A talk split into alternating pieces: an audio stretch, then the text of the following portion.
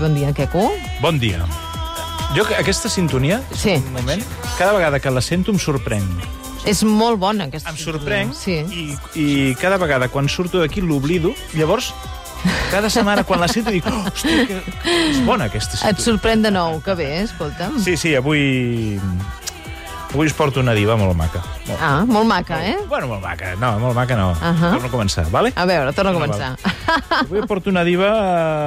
Eh, que és diva, Sí? però que tocava bastant de peus a terra segons el moment del dia. D'acord. Eh? Molt propera, molt propera. Un cantant líric que, segons els que hi entenen, des que va morir l'any 2007, encara ningú ha ocupat el tron que va deixar vacant. Mm. És, és una cosa molt...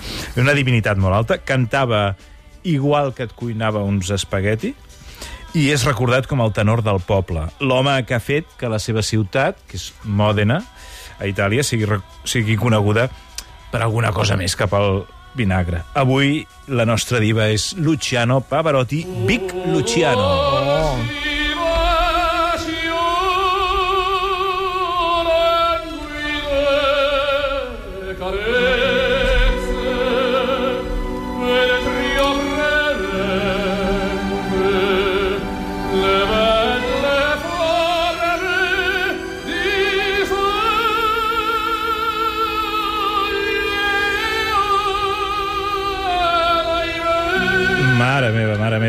Contràriament al que molta gent pensa, o ha pensat en algun moment donat de la seva vida, el, la nostra diva es deia Luciano.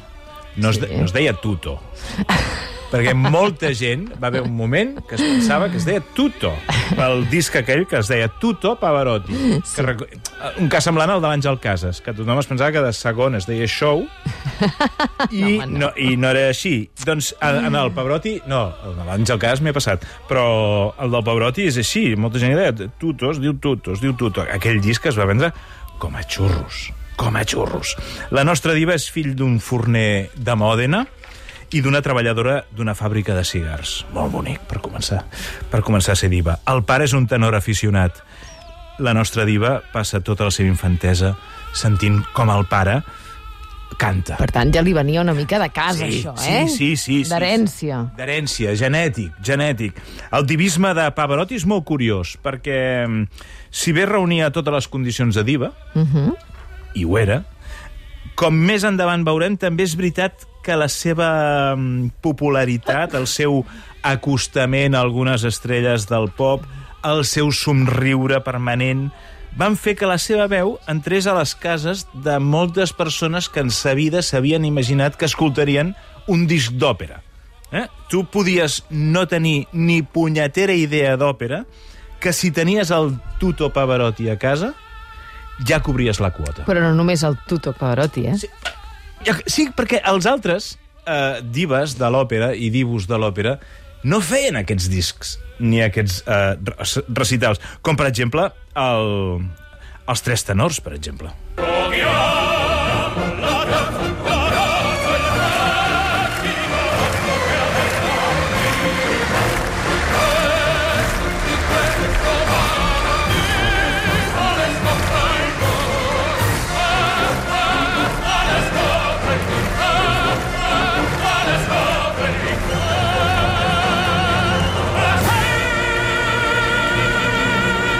Aquests són els tres tenors. Clar, per això et deia que no només el Tuto Pavarotti, que hi havia Clar. algun altre disc com aquest dels tenors que també, Però hi ha el- sense que sabessi res Però ell hi és allà al mig. ell hi és. sí, ell hi és sempre. Totalment. Sí, sempre sí, sí. hi és ell. I no sé si haguessin existit els tres tenors sense ell, però ara aquest, els tres tenors eren com les, com les tres bessones, però cridant molt. Apa. Era... Sí, sí, era un festival de veure qui crida més. Home, amb aquest final de, de, la- de la Traviata l'hem sentit, no? A veure, a veure qui crida més. I és això que et deia, si sentim els aplaudiments de fons, no? Això és impensable fins llavors amb, amb un santuari de l'òpera. Ni, ningú al Liceu es posa a fer palmes amb les mans seguint aquesta, el brindis de la Traviata, no? Les àrees d'òpera sortien del, dels coliseus exclusius on sempre havien estat i eh, eren ofertes a centenars de milers de persones totalment entregades. Si això hi sumes un físic de Pavarotti, que podria ser el que està pastant i enfornant la massa d'una pizza en qualsevol tractòria italiana, doncs ja tens l'oferta, la fórmula completa del fenomen i pel què se'l va batejar com el tenor del poble. dirti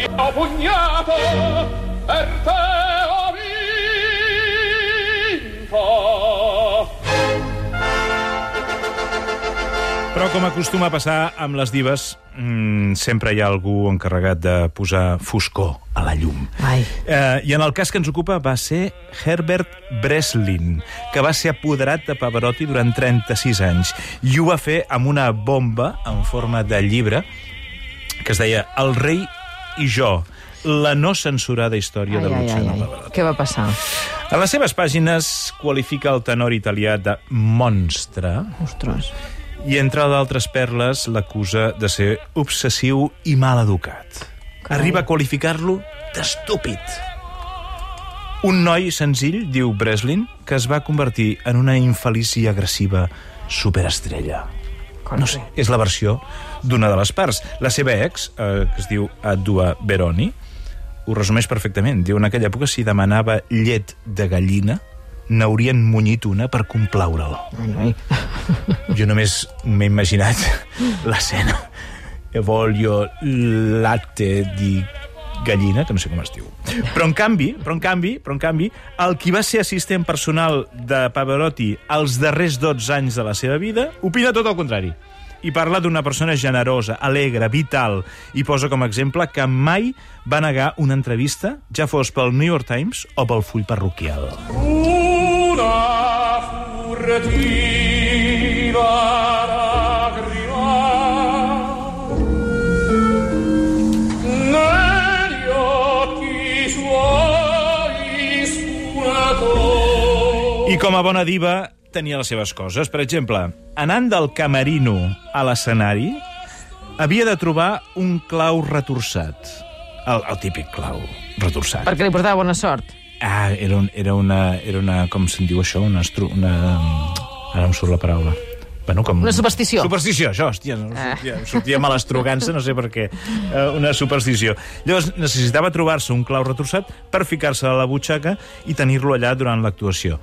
No cal que et digui que per tal de salvar la funció els seus col·laboradors sempre eh, mm, en deixaven alguns de manera estratègica perquè eh, ensopegués, eh, la nostra diva ensopegués amb ells i se'ls trobés i tots contents. I això li portava sort, eh? Això li portava clau. sort, la, sí, era fonamental, deia Pavarotti, fonamental per poder arribar als seus mítics do de pit, el, el do agut. En, en ocasions, més d'un do agut i més de dos, com en la mítica àrea A més a mi de la filla del regiment de Donizetti. És aquí dalt, això, eh? I espera, que en fa més, eh?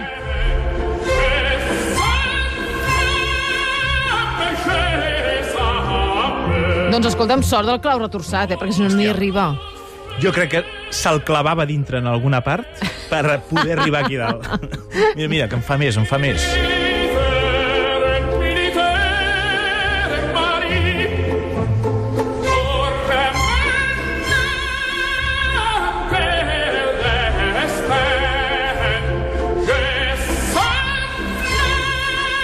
Això és de l'any 72, el dia que Pavarotti es va consagrar amb aquesta àrea de la filla del regiment. Mira, mira, escolta al final, ja veuràs.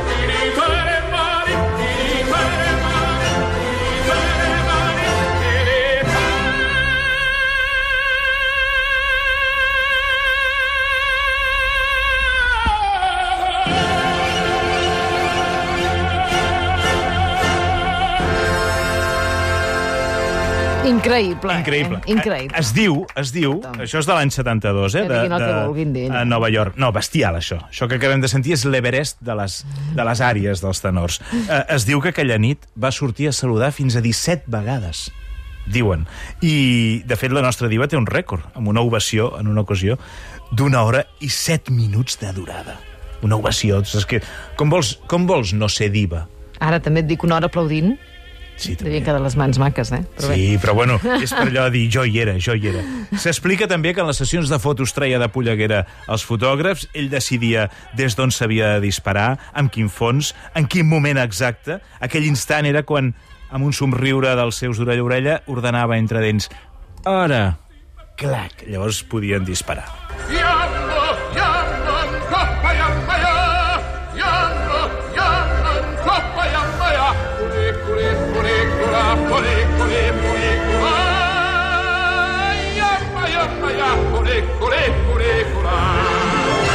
Cantar i menjar, menjar i cantar, era el que més li agradava a la nostra diva. De fet, quan anava de gira exigia que la suite de l'hotel tingués cuina incorporada per cuinar-se ell mateix els menjars. Uh, anar de gira amb Pavarotti diuen que era el més semblant a fer una mudança. Es parla d'entre 40 i 50 maletes, un carregament de menjar italià propi d'una ajuda humanitària. A les suites, a més de la cuina i un gran refrigerador, refrigerador es feia tapar les finestres amb paper d'alumini per evitar... Per la llum, per la llum. Ah, perquè no entres llum. Perquè zero llum, zero llum. Ui, ui, ui. Els llençols negres i sota la matalassa un tauló de fusta, perquè si no, eh, donades les dimensions del tenor, la, es podia deformar el llit. Ah. Sí, no, no, fotia un, su, un somier de fusta. El sofà havia d'estar alçat, un pam de terra, i era especialment maniàtic amb la roba, les sabates, les tovalloles, amb aquelles que s'aixugava la suor, i els caramels per la gola, també. Carai, tu. Escolta'm, maniàtic, però també era molt generós. També, també, també, també. Te- Tenia una faceta molt solidària i l'exemple més gran eren els concerts anuals, aquells que feia Pavarotti and Friends, el primer destinat a recaptar fons pels nens i nenes de la guerra de Bòsnia, atrapats a la guerra de Bòsnia, i després els que van seguir doncs, anaven dirigits a altres fins benèfics. Hi havia...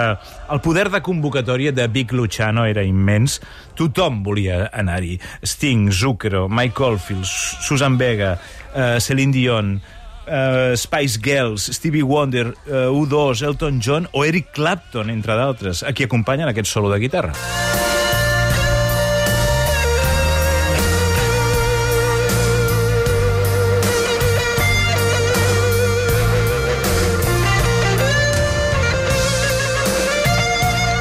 El juny del 89, la nostra diva va ser al Liceu de Barcelona.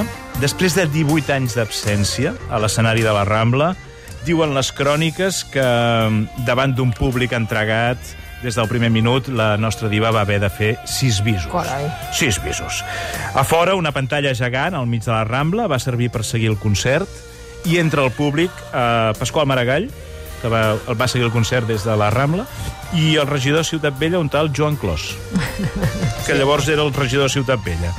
Es va casar dues vegades, la primera amb Adua Beroni, la segona amb Nicoleta Mantovani, que era 34 anys més jove que ell, i entremig algun amant, de tant en tant, la més sonada, la soprano Madeleine René. Si algú vol més informació sobre Pavarotti, recomano un documental que hi ha filming, que es diu Pavarotti, no, no amaga, i que, i que explica molt bé tot, tota aquesta personalitat de la nostra vida diva d'aquesta setmana. Meravellosa. E questo è tutto. E questo è tutto. Questo tutto perquè ja veig la Marina Rossell. Ja veus la Marina Rossell. Bon dia, Marina. Molt ben triats els, els temes, nen. Gràcies, nena. Tots els leads i tot això, de veritat, eh? Que bé, que bé. Veus la Marina Rossell, ara veuràs el Jaume Sisa, que seurà aquí a la Home. teva esquerra. Què tal, Jaume? Bon dia. Què et sembla? Bon dia, bon dia. Bon dia, Jaume. Hola, bon dia. Bon dia, Bon bon dia. dia. I no el veus, però el podràs sentir, en Joan Miquel Oliver, que el tenim connectat. Oh, que bé. Hola, Joan Miquel. Ah, doncs no, mira que bé. Ara em fa quedar malament. Que m'enganya. Ah, m'enganya. No, m'enganyen a mi. Diuen que el tenim connectat i es veu que no. Bueno, doncs ho deixo, us deixo sols. Ens deixes aquí. Feu bé. Vale, doncs que vagi Una bé. abraçada. Adéu. Adéu.